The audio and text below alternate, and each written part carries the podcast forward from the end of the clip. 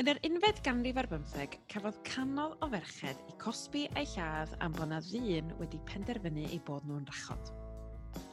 Rwan, be dwi eisiau wybod ydy be ar arwynaf y ddeiar nath y merched yma i'r boi yma feddwl bod nhw'n gwneud gwaith i'r diafol.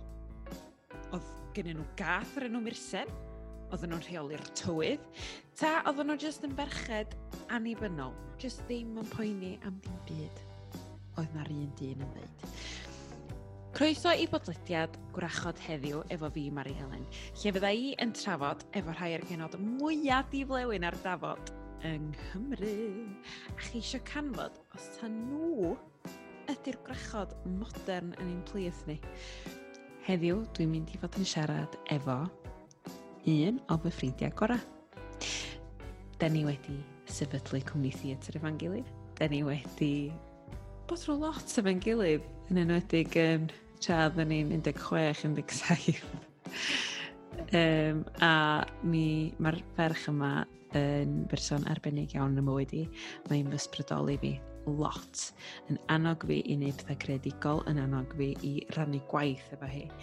Mae hi yn dramodydd, mae hi yn actor, mae hi yn person anhygoel a yn ystod y podlediad yma fy hi heddiw, mae hi yn dangos ei phersonoliaeth nid yn unig trwy chariad at um, ei gwlad, ei chariad at lenyddiaeth Cymraeg, tuag at fiwsig a tuag at hanes ei bro.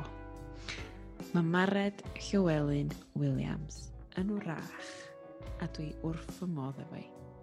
Dwi'n gobeithio ydych chi'n mwynhau y sgwrs ni'n gael heddiw. Um, mae Mared yn fan mawr o wrachod ac hanes gwrachod a mae gen i hi gymaint o wybodaeth am wrachod. Mae o'n anhygoel. Um, felly, mwynhewch y sgwrs. Dwi'n edrych ymlaen i ddal fyny efo chi wedyn. Helo, Mared, wrach cynta. Hei, ti'n iawn? Ti'n iawn? Do. Dwi bach yn nerfus. O, oh, paid fod yn nerfus. Um, swn i chdi, swn i'n teimlo'n fwy breintiedig na nerfus, achos chdi di'r rach cynta i, um, i ddod i drafod ar... na, so fe, dwi yn hynod freintiedig yn ei gwir, mae ma fi di'r gynta. mae'n exciting. Dwi'n mynd i jumpio i'r cwestiwn cyntaf. Pa nodweddion ti sydd gen ti, ti'n meddwl sy'n debyg i'r ei gwrach? Um, Wel, dwi'n meddwl, yn, efo aesthetig, da, gen i llgada gwyrdd, a gen i hefyd flew yn tyfu yn ymgen. yn anffodus. Flew, dwi'n gorfod plycio o'na yn eitha aml. Ti'n be, de? Dyna, dyna sy'n ei fi'n debyg i um, rach hefyd, achos mae'n dweud bod gen nhw flew ar ben i gwefusau. A fa... Wel, gen i fyd, dwi'n gorau wacsio fo. Yeah. Um, a mae'r blew yma wedi creu dipyn o draffodd i fi dros y blynyddoedd. o, oh, ia. Felly, o ran esteteg hynna, eich gada gwyrdd a'r blew niwsans yma sy'n ymddangos ar ar ein gwynebau. Nodweddion eraill, dwi'n meddwl, da, ydy y tempar sgen i.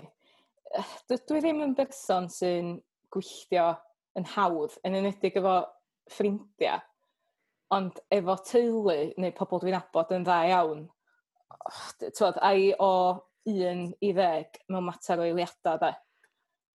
Mae jyst yn, a dwi'n teimlo bod o'n llenwi fi gyd, lle. Dwi, dwi, fatha chdi, dwi'n gweld coch, dwi'n meddwl, sdi? Ie, ie, dwi'n iawn gwybod. A ti'n methu, mae fatha bod gennych chi ddim rheolaeth dros y peth, ti jyst yn teimlo dy hun, fatha mynd, fatha, yn wyllt bron. Ie. Yeah. A dwi'n meddwl gwybod beth, mae sa, a, a swn i'n iawn wedyn, mae jyst weithiau, dwi, oh, dwi'n yn gwybod, dda.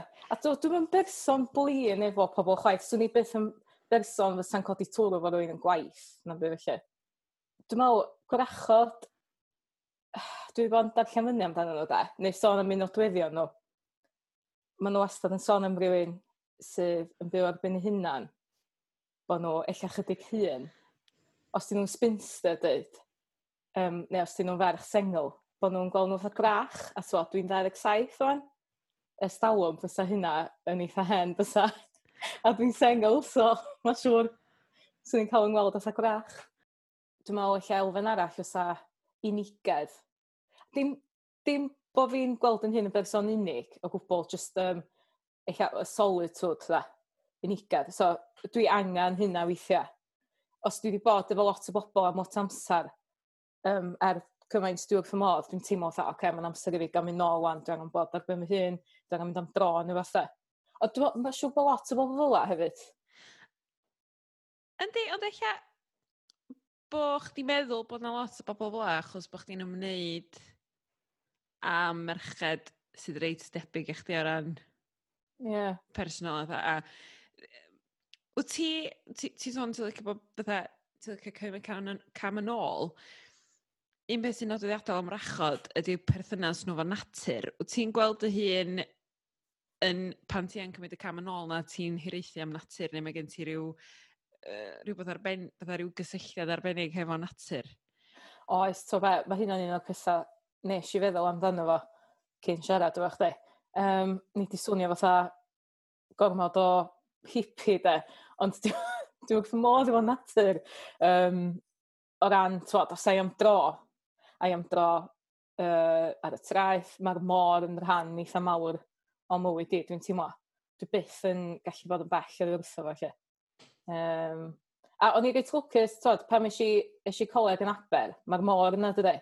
Ond dwi'n just yn meddwl, tod, be swn ni wedi mynd i coleg o rwla pell, fatha rwla sydd ddim efo môr. Um, oh, Wel, yng Nghymru, mae Bangor a Cerdydd wrth ymwyl y môr, dydy. Um, Dweud swn i wedi mynd i Birmingham. Yeah. um, Birmingham. A diw, sut swn i wedi copio heb gael môr. wrth yn ymwyl da.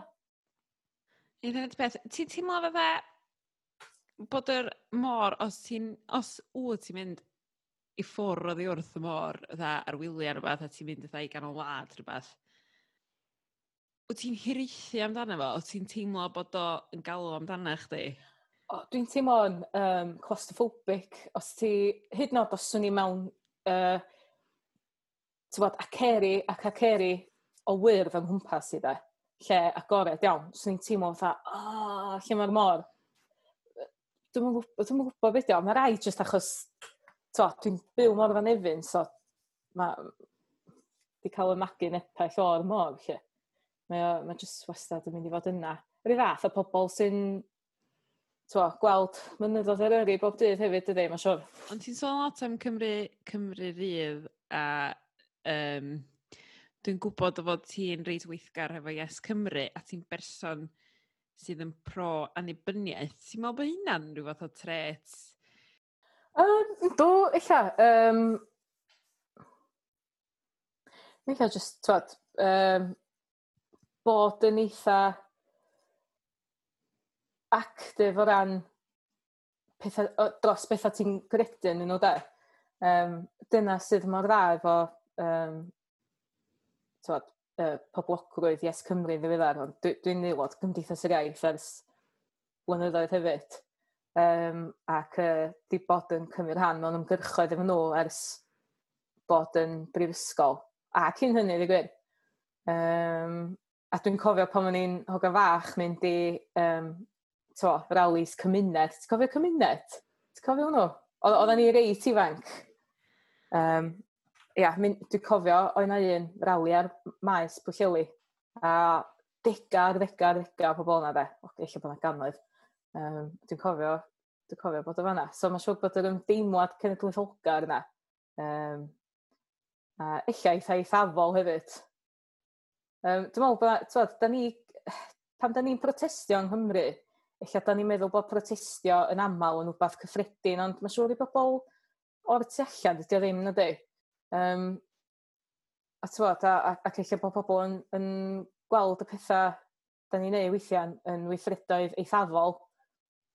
Eich bod hwnna'n rhywbeth gwrachaidd hefyd, bod nhw'n neud gweithredoedd eithafol, da. Yr ail gwestiwn dwi'n ofyn i chdi heddiw ydy, be di'r peth fwyaf gwrachaidd ti wedi gwneud? Uh, nes i ofyn y cwestiwn yma i Lois, y chwaer, da. A nath i ddeud, um, o, nes di ddeitha fi o blaen pan oedden ni'n uh, iengach lle i roi mwy ar dion yn fy mhocad a fi na'n gwisgo trwsus gwyn. A dwi'n dwi, dwi meddwl o'n i tein ar ddeg. A dwi, dwi wir, dwi ddim yn cofio neu hynna dde. Ond mae rhaid bod fi wedi. beth creulon iawn i wneud dydy, i hogan fach saith oed. Graduras. a, a ffaith wbeth am uh, mwyaf dion hefyd, de. Um, Tywod, um, os y, mae ma, ma, ma rhyw bethau felly, tywod, llysiau neu tymor yn wrachaidd iawn, dwi'n meddwl. A tywod, os ydych chi'n gwneud rhyw swy'n o beth, os ydych chi'n gorau defnyddio rhyw lysia sy'n neud tymor. So, Be? Dwi'n gwybod be ni'n drio wneud. Drio steinio i ffrwsus i'n mae'n siwr da. Mae'n rhyw taidau. Oedd hi di gwneud beth i chdi? Oedd hi di... Dwi'n mwyn cofio, sdi, dwi'n mwyn cofio. O'n i jyst yn bitch bach efo i don. Ond dwi ddim yn cofio. Dwi ddim yn cofio neu hynna da. Ond, ie. Uh, yeah. Ond ffynnu bod hi'n cofio? Ie, yeah, o mi fysa hi'n cofio fysa, achos nes i, mae'n siŵr bod i steinio i ffrwsys iddo. Mae ma fy ffrindiau fi wastad yn dweud, um, fi fysa'r person cynta i gael fy hudo fewn i ymuno fo cult. Um, Dwi'n fawr gwybod pam, eich mod i'n berson impressionable, dwi'n fawr. Dwi'n licio rhyw bethau fel yna, darllen fewn i bethau fel yna. Ond, um, ti'n bod, um, oedda ni fatha cyrraedd ffrindiau dde, uh, Miriam, Trefor, Marged fi, yn, nath ni gychwyn mynd i Cilmeri, um, adag uh, pa, pam o'n... Um, pam, pam oedd hi ar ddwrnod, twa, cofio Llywelyn, uh, y dynegfad o'r acfyr, da. Um, oedden ni'n mynd lawr i Gilmeri, um, ac mae yna seremoni bob blwyddyn, a ti'n gorymdeithio o'r dafarn yn, yng Nghymru'n i'r garag. A wedyn, mae yna gynnig wedyn os ti isio mynd lawr i'r ffynon lle mae'r afon Irfon, a cael dy dyfydyddio. A ti'n rhoi dy ben i lawr fel hyn, a maen nhw'n rhoi um, cwpan o ddŵr yr afon Irfon ar dy ben. A ti'n gorau gwyddi, cymryd! ar ôl o. a mae'n ffantastig. A da ni wedi gwneud, da ni wedi gwneud hynna ddwywaith un flwyddyn nath ni'n gwneud, achos o'n bod y glaw, ac o'n miserable. Um, yeah, so mae hynna'n... dwi'n gwybod sy'n hynna'n rhywbeth gwrachaidd, ond... Mae'n rhywbeth... Mae'n rhywbeth o ritual, di. Ia, yeah, yndi mae o'n ritual, a, asgob mae pobl yn wallgo dros Gymru na de, mae'n mae wych. Waw! Ia, yeah, mae'n mae cool. Um, Just ych chi'ch tair oedd mynd? Um, han o lwyth o bobl yna. Um, oedd um, to, lot o bobl oedd yn rhan o'r um, Free Sami a pethau felly yna hefyd. A llawer o Gymru di-Gymraeg yno hefyd, de, ond mor gynulleidfolgar. Co hynny'n braf i'w, i weld. Ond uh, mae'n sicr yn brofiad, de, i chi fynd yno.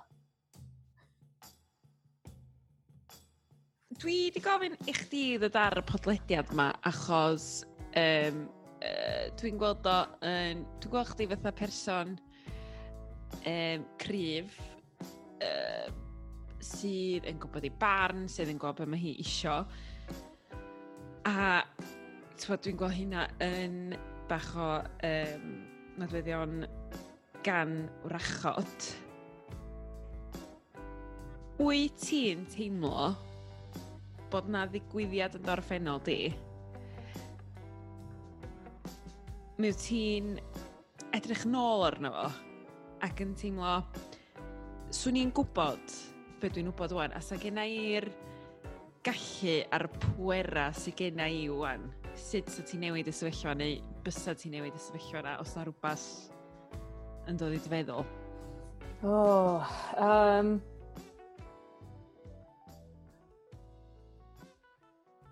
Twa, mae ma hwn, hwn yn gwestiwn da, yn gwestiwn anodd.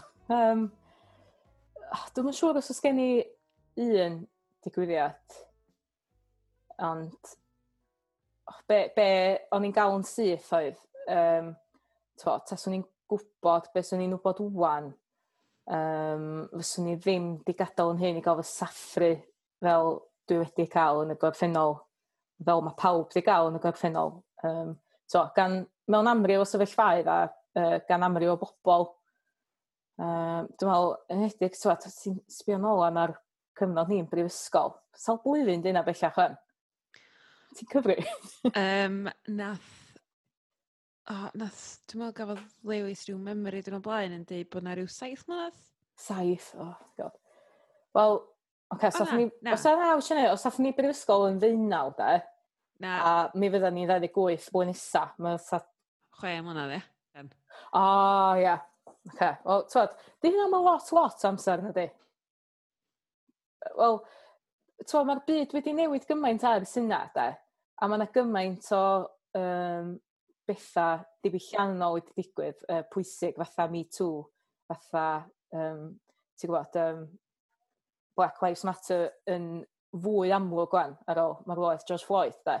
Mae yna gymaint o bethau wedi digwydd, lle ti'n edrych yn ôl ar y pethau, twod, oeddech chdi'n gadael i bobl wneud eich chdi'n brifysgol wneud, twod, os oedd pobl yn deud pethau, ti'n sbio nôl, twod, hynny'n hollol, hollol wrong, de. A dwi'n meddwl fod yn eitha anodd i bobl feddwl nôl i hynna a, a sylweddoli bod, peth, bod, bod y pethau yna ddim yn iawn. A mae'n eitha anghyfforddus i sbio nôl ar hei pethau. Um, a ti'n meddwl, oh, god. Uh, Mae'n ma anodd delio efo, efo bob dim. Yndi, ti'n iawn, o'n i'n gorodd yn gwely neithiwr a do'n i'n methu mynd i gysgu achos fi o'n i, fel ti'n sôn, yn cofio am bethau os di digwydd i fi yn y brifysgol.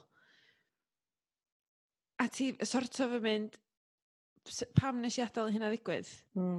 Sut, pam nes i'n gweiddi mewn peth? Pam nes i'n deud? Ti'n gwybod fel? Yn do, yn do, ia, na, Wa, mae'n anodd dde. Dwi'n di, dwi di meddwl amdano fo yn hollol iawn. Uh, ma, ma fatha... Ah, dal i drio prosesu, tywod, bod bo pethau yn, wedi newid mewn cyn lliad amser. Ti'n meddwl byd gwahanol, dydy? Dwi'n cofio pan oedden ni'n mynd uh, wsos, wsos y glas ni, de. O'n i'n cachu yn fy'n rwsys achos o'n i'n gwybod pobl yn di fforsio chdi fath, de. Um, a, o, oh, o'n i mor sal. Nes i chwdyn yr ail pub. o'n i mor, mor nerfus. Yr nerfusrwydd, mae siŵr, a um, twod, dawnio, bob dim yn newydd i fi, ond i roed gorfod dawnio diod o blaen. A to, dim beirniadu dwi fel oedd hi um, ar y pryd, ond dydy ddim fel ewan. Hyd nod dwy flynedd, tair blynedd ar ôl uh, wsos y glas ni. Um, Tywod, o hynna di newid gyfa gwbl. Neb yn cael gorfodi neb i yfad. Um, a erbyn heddiw, lle mae pobl yn yfad llai. Dwi'n meddwl mae llai o bwyslais ar meddwyr acs, um, mwy o bwyslais ar bod yn gymdeithasol, twod, yfad bach mwy casual. Ie. Yeah. A twod, ges i amser hollol anhygoel pan o'n i'n brifysgol, ond twod, y reality ydy oedd um, oedd na yfad trwm iawn digwydd yna hefyd, da. Fel sy'n am bo man. Ie. Yeah. A so ti oeddech chdi'n gyfforddus pan oeddech chdi, so ti wedi bod, oeddech chdi'n gyfforddus yn gorau dawnio sa oeddech chdi'n teimlo bach a fa, o, dwi'n gwneud ffwl o fy hyn.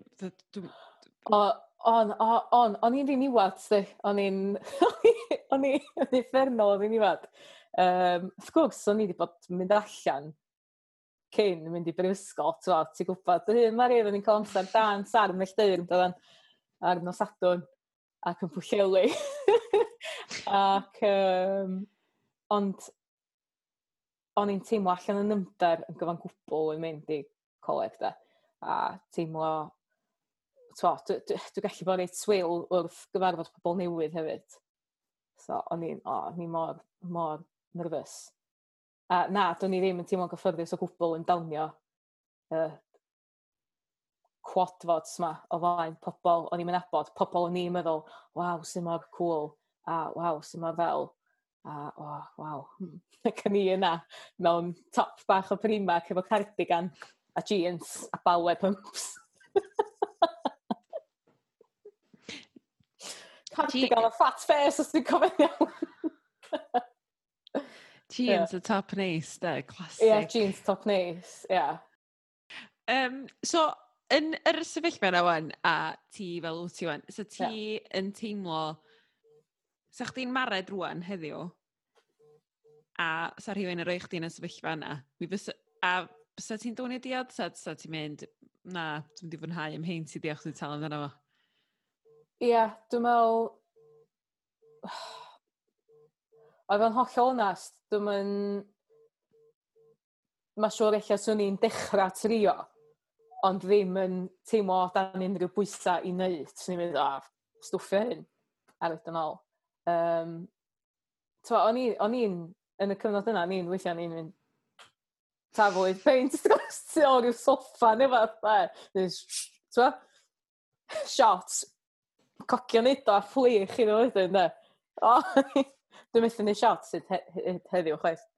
Ond, um, na, dwi'n meddwl, sicr rwan, dwi'n meddwl, swn i'n teimlo yn embarrassed na unrhyw, swn i'n teimlo unrhyw gwyli chwaith am beth i peidio wneud, de. Be, be sa ti'n ddeud wrth chdi dy hun o'r cyfnod yna? Be, be sa, fatha, chdi ywan yn siarad efo Mared oh. newid eich brifysgol? O, oh. oh. swn i'n deithi ti'n mynd i um, wneud ffrindiau hollol anhygol sydd ti'n mynd i fod yn ffrindiau fan nhw am byth, Os dwi'n gwybod, dwi'n gwybod yna fyddai'n ffrindiau nhw. Ffrindiau fan nhw i gyd am byth. Er, es i yna efo, twa, um, sawl ffrind o ers i mi fod yn un o'n nhw, Marged, uh, dim ond ffrindiau fai, ers i mi fod yn fabus. Lle. A Miriam ac Emma fyd, nath ni ddod o coleg um, Miriam Dwyfor efo'n gilydd. Ond uh, genod eraill i gyd, cyfarwydd yn aber, a jyst di bod yn ffrindiau cwbl anhygol. Um, hynna sy'n ni'n dweud yn meddwl, achos o'n i'n poeni ar y pryd, dwi'n mynd gallu siarad efo bobl newydd ma, dwi'n mynd gwybod uh, sut i fynd atyn nhw i gychwyn sgwrs. O'n i'n poeni bod fi ddim yn cool. Hynna'n beth mor doedd o dy gyda. Dwi dal i boeni bod fi'n ddim yn cool weithio. A dwi'n gwybod bod o'n yn uncool bod fi'n meddwl hynna. Dwi'n meddwl mae pawb, dwi'n meddwl mae hynna'n un o'r pethau dysa neb yn tyfu allan ohono fo, bod chdi'n poeni, bod chdi'n cool.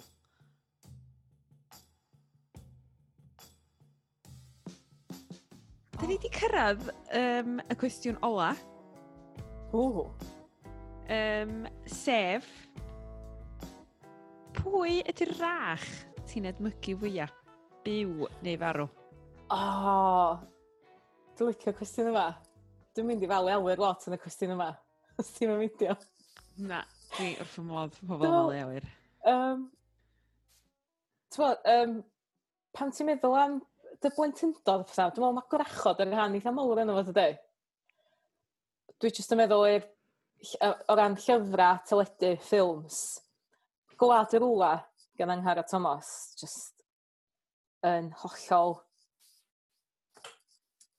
athrylithgar, dwi'n meddwl. Dwi wrth y modd efo'r byd mae hi wedi creu, de. A dwi dal yn defnyddio pethau rwdlan heddiw.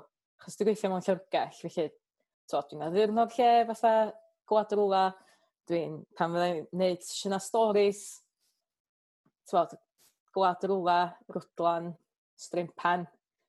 Um, mae hyn i wastad yn llwyddiannus, de. Um, Mae'r plant wrth i bod. Um, mynd bach hun wedyn, oeddech chdi'n cael box, piws, glittery, Sabrina Secrets. Do ni ddim, ond mi oedd na ferch yn cael a o'n i yn cael mynd draw i thi hi fod tro oedd hi'n cael ac o'n i yn obsessed efo fo. Ia, yeah. so, so Sabri, i bobl sydd ddim yn gwybod, Sabrina Secrets oedd fatha um, y magazine ma ddech chi'n gael am Sabrina's Sabrina the Teenage Witch, Bob Mears, de.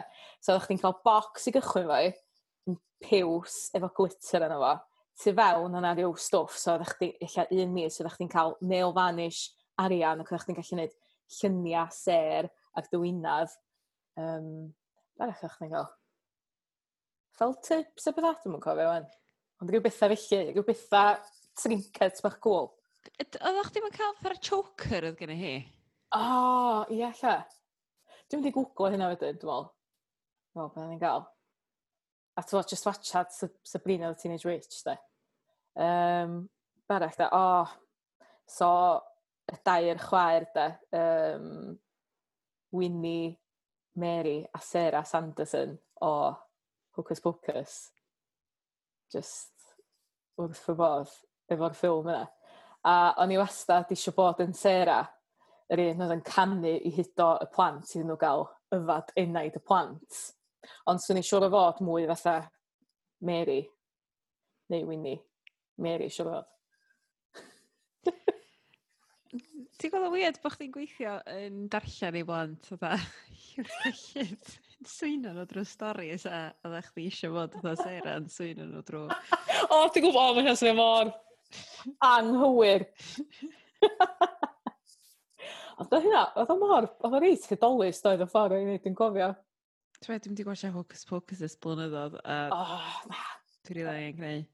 Ia, mae wedi mynd mwy o ryw ffilm cultaidd fan do. Da ni'n joio'r gair yna hynny do. Y gan Rhiannon Fleetwood Mac. oh, just, tywed, caru Fleetwood Mac a y gan a Rhiannon. Um, a Stephen Nicks arfer um, So fatha, fatha pan mae'n cyflwyno gan, o'i arfer dweud, this is a song about an old Welsh witch. A oedd just weld yn anhygol bod un o bandiau mwyaf byd efo can, son am rach Gymraeg. A'r doedd hi ddim yn rach. Um, Dwi'n meddwl, nath Stephen Hicks yn gyntaf mi nath i uh, ddarllen y llyfr yma o'r enw... Oh, be oedd e? Oh, triad neu triad, y, nof y nofel of the Supernatural, gan dyna sy'n ganol Mary Leader, yn sôn am y hoga ma yn cael ei posesio gan rhyw ysbryd yr enw Rhiannon. A wedyn nath i sylweddoli y cysylltiad mabinogi efo fo, ta, dwy flynedd wedyn, ond bod y cysylltiad yn, yn, yn, yn od iawn oedd y themau yn debyg, achos uh, oedd y nofel yma hefyd yn sôn am uh, adar. Oedd adar yr rhan ohono fo. Felly, ie, yeah, dwi'n meddwl, a mae'r gan yn... Ww, s'n i licio o dynion fatha mae'r hianon yn hydo nhw yn y can. I wish. Ie. Yeah. Ond, be oedd y cwestiwn? Pa frach dwi'n ysmygu fwyaf, ia? Felly, um, Ond am frach, yn ôl bob sôn, yn byw yn Llanor, iawn? o'r enw Dorti Ddu, a dwi'n gwybod mae yna lot o Dorti Ddu, does. Um, mae yna Dorti yn gwrach y gwyllt. Uh, ac dwi'n siŵr yna Dorti Ddu o Llanddona yn Sir Fon. Ond Dorothy Ellis ydyn nhw hon. A mi oedd Dorothy Ellis, Dorti, yn casau y person ar y plwyf, sef, o, oh, beth enw oedd um, John Owen. Yn casau y boi yma. A o hi yn mynd i'w wasanaethau fo a melltithio fo yn y gwasanaethau A rhegian efo bethau. So yn diwedd gath hi safle allan o'r eglwys, yn amlwg. A achos bod hi'n creu gymaint o stŵr, mi nath, e, mi nath nhw golymu hi i ryw gerig yn y fynwant. Ond o hi dal i regi yna fo a gweiddi yna fo neu stŵr am y peth, de. Wedyn, nath John Owen ma farw yn dyn cymharol ifanc a dorti oedd yn cael y bai achos bod hi wedi uh, achosi gymaint o boen iddo fo dros y blynyddoedd. A dyn o Llanidloes oedd y, y boi ma. So gath o i gladdu yn Llanidloes. A mae yna sôn bod hi wedi cael gafal ar ei gorffo yn yr arch a wedi ysgwyd i drwyno yn ffyrnig Ond wedyn te, bo hi wedi trafeilio'r holl ffordd i Lanidloes de, i gachu ar ei fed o. a fi just yn meddwl fy hynna. Yn hollol ffantastig. Wbath sa rhywun wrth i bodda wneud i ryw... Dwi'n bo, i ryw fi awl sydd wedi bechu di mewn ffordd. O, oh, sy'n ni beth yn neud yn amlwg ond Ella sa chdi gallu cymygu neu'n ar y bryd. Ti'n sôn amdani fatha oedd hi'n rhegu ac fatha yn gweiddi ar John Owen ma. Ti'n meddwl dyna oedd gwrachod? Just merched oedd hefo barn a oedd ddim yn cyd ymffurfio hefo'r um, confensiwn o bod yn ddynas. Ia, ti, ti yn hollol iawn. Merched oedd efo pwer merched oedd efo talent a merched clyfar. Twod, os yna nhw yn rachod oedd yn gallu gwella pobl te, wel, eich heddiw fysa nhw yn cael i ystyried fatha doctoriaid neu twa, arbenigwyr yn ei maes, ond ar y pryd oedden nhw uh, yn cael i boddi. Um, a tywod, weithiau os oedd uh, merch yn syrthio mewn cariad efo rhyw foi a rhyw foi sy'n ddim yn cared efo hi. Y boi yn meddwl bod hi wedi rhoi swyn yn y foi neu hynny. A, oh, dwi'n ei wir. Just, um, a dyn, dynion oedd yn eu hela nhw, da. Um, yeah, dyna dyn, pe... Dynion ofn merched efo pwer, da. Dyna, dyna pam... Dwi'n meddwl, dyna sydd wedi um, sbarduno'r podlediad yma. Ai twyd, os o ti a fi yn byw yn yr un, unfed ganrif ar bymtheg, bysa ni'n cael yn boddi achos bod ni eich ddim yn cyd-ymffurfio hefo'r norm o bod yn, yn ferched. Twyd, dwi'n mwyn gwybod, ydy'n ni'n fwy... Dwi'n mwyn gwybod, beth ti'n meddwl? Yndw, na sicr, bysan, achos twa, tasen ni yn 27 oed wwan, a mi fysa hynna'n cael ei ystyried fatha um, merch un, hen ferch eich da, so pobl yn, yn, gal, yn galw ni tarm hollol nirmygus wwan, ond mae pobl dal i wisio fo. Um, ia, yeah, dwi'n meddwl, rhywun sy'n annibynnol yn byw bywyd fel maen nhw eisiau fyw o, a diawl lot am neb arall. Mm, ia, yeah, siwr o fod, sy'n ni'n cael yn ystyriaeth o gwrach eich bod hwn. Dwi'n meddwl un o'r um, pethau mwyaf di, oedd grachod just yn caru hunan. Mm. A dwi'n meddwl... Caru gilydd weithio fyd? Caru gilydd. Mae ffasyn lot yn digwydd yn grach y gwyll. Caru gilydd bach gormod weithio sy'n ni o na, mae'n, ia. Mae hynna'n un o'r pethau, ie, o, mae hynna'n un o'r pethau gorau am y llyfr. Just... Oh, um, yeah. Ne, ia, awn ni'n gormod i fanylder am yr um, grach y gwyll, ond mae o'n uh, lot o hwyl, dydy. Hwyl di'n iwed. O, oh, oh, ia, just hwyl pyr, da. Ond ti'n gwybod, ia, dy gwestiwn gwreiddiol, di. Sef, pa wrach byw yn farw, dwi'n edmygu? Wel, dwi'n meddwl, allai'm dweud, allai mod i'n edmygu y frach yma ella, ond yn gallu cyd ymdeimlo a just teimlo oh, bod hi wedi diodda anghyfiawnder. Um, mae pawb sydd wedi bod yn ddisgybl yn ysgol botwnog yn ymwybodol o stori bwgan pantywennol. A mi gafodd Elin Ifans uh, y ferch. 14 oed oedd hi gychwyn fe. Uh, mi, mi o'na beth arhyfad yn digwydd yn Pantwennol, y bwthyn oedd hi'n byw na fo yn Mynytho. Mi oedd na boteli llefrith yn malu'n Dilchion, mi oedd na lestri malu, mi oedd na ddillad yn cael ei rhwygo, neb yn gwybod beth yn mynd ymlaen. Um, mi oedd na weinidogion yn cael ei galw yna i wella pethau, ella dim fwy, neu rhyw fath o exorcism. Um, Ond a sôn bod yna boltergeist yna. A y peth mwyaf dychrynllyd digwyddodd i'r teulu oedd pan wnaeth nhw ffeindio bod tudalenna y Beibl wedi cael ei rwygo allan. A wedyn, pwy gath y bai yn diwedd oedd y ferch Elin Ifans. Ond mi oedd ganddi chwaer hun hefyd ar enw Catrin. Ac oedd hi ar fi'n brodi hiw y cryf. A mae yna sôn bod rhyw cryf wedi bod yn bach o ddrwg yn y caws hefyd, da. Dwi'n gwybod sut, ond... Twa, so mae hynna'n rhywbeth i feddwl amdan hefyd. A wedyn, be ddigwyddodd, um, gath i chyhyddo fod wrach, achos gath i chyhyddo o ymhel efo ysbrydion a ysbrydig, um, ysbrydegwyr a pethau felly. A dwi'n mynd amas nath nhw ffeindio rhyw fath o lyfr swinion yn y tŷ hefyd be bynnag, gath i i harestio a'i chwydo i bwllelu i'r uh, orsaf yn fanno a i gael ei roed o flaen i gwell am fod wrach neu am y pethau yma. Ond er iddi gael ei uh, rhyddhau yn ddi gosb, um, o hi wedyn di cael ei gwthio i ymylon cymdeithas a y sôn oedd wedyn bod hi ddim yn gallu sbio fel ni lygad neb lle. Um, a mi oedd pobl yn galw hi'n hen ferch, tywed, y uh, teitl dirmygus yma eto.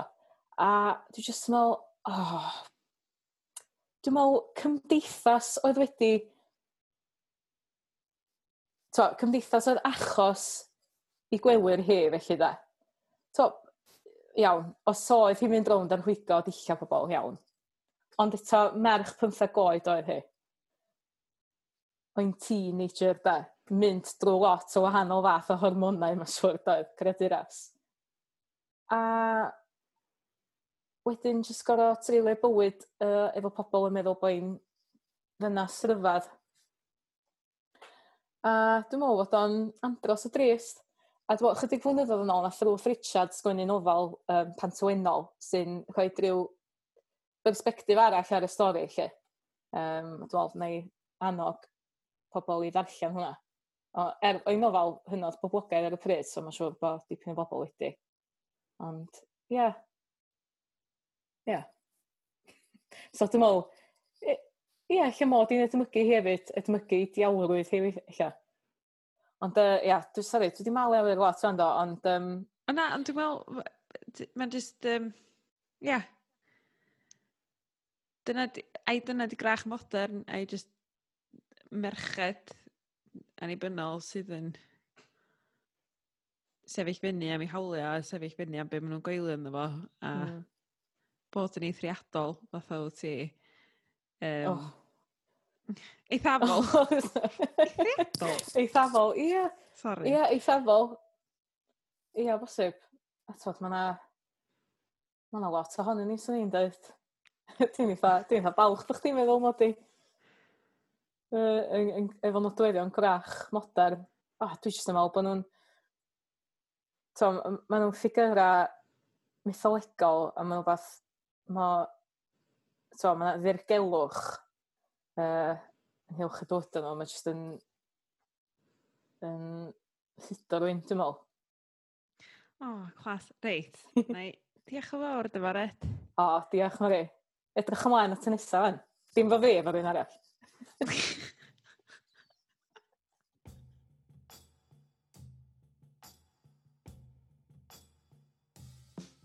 um, diolch i fy ngwestau arbennig, Mared Llywelyn Williams. Mi oedd y sgwrs yna wirioneddol ddiddorol. A dwi'n teimlo mod i wedi dysgu mwy a dwi wedi cael gwaith perspektif ar hanes o'r achod. Be ydw i'n meddwl ydy gwrach a Ydyn nhw dal yn plith ni? Dwi'n meddwl bod nhw. Dwi'n meddwl bod Marad hwrach. Dwi'n meddwl bod y merched eraill sydd yn mynd i ddod ar y podlediad mewn rachod. A dwi'n edrych ymlaen i ddysgu mwy am fy hun, mwy am y merched yma, trwy'r podlediad yma. A dwi'n gobeithio rhywch chi ddysgu chdi bach amdano chi eich hunan hefyd trwy'r lleisiau yma mi fydda i'n rhannu dros yr wythnosau nesaf. Felly diolch o fawr iawn i chi am rando. Gobeithio fi gen beth arall i chi wsos nesaf. Ond tan yn tro nesaf, diolch yn fawr.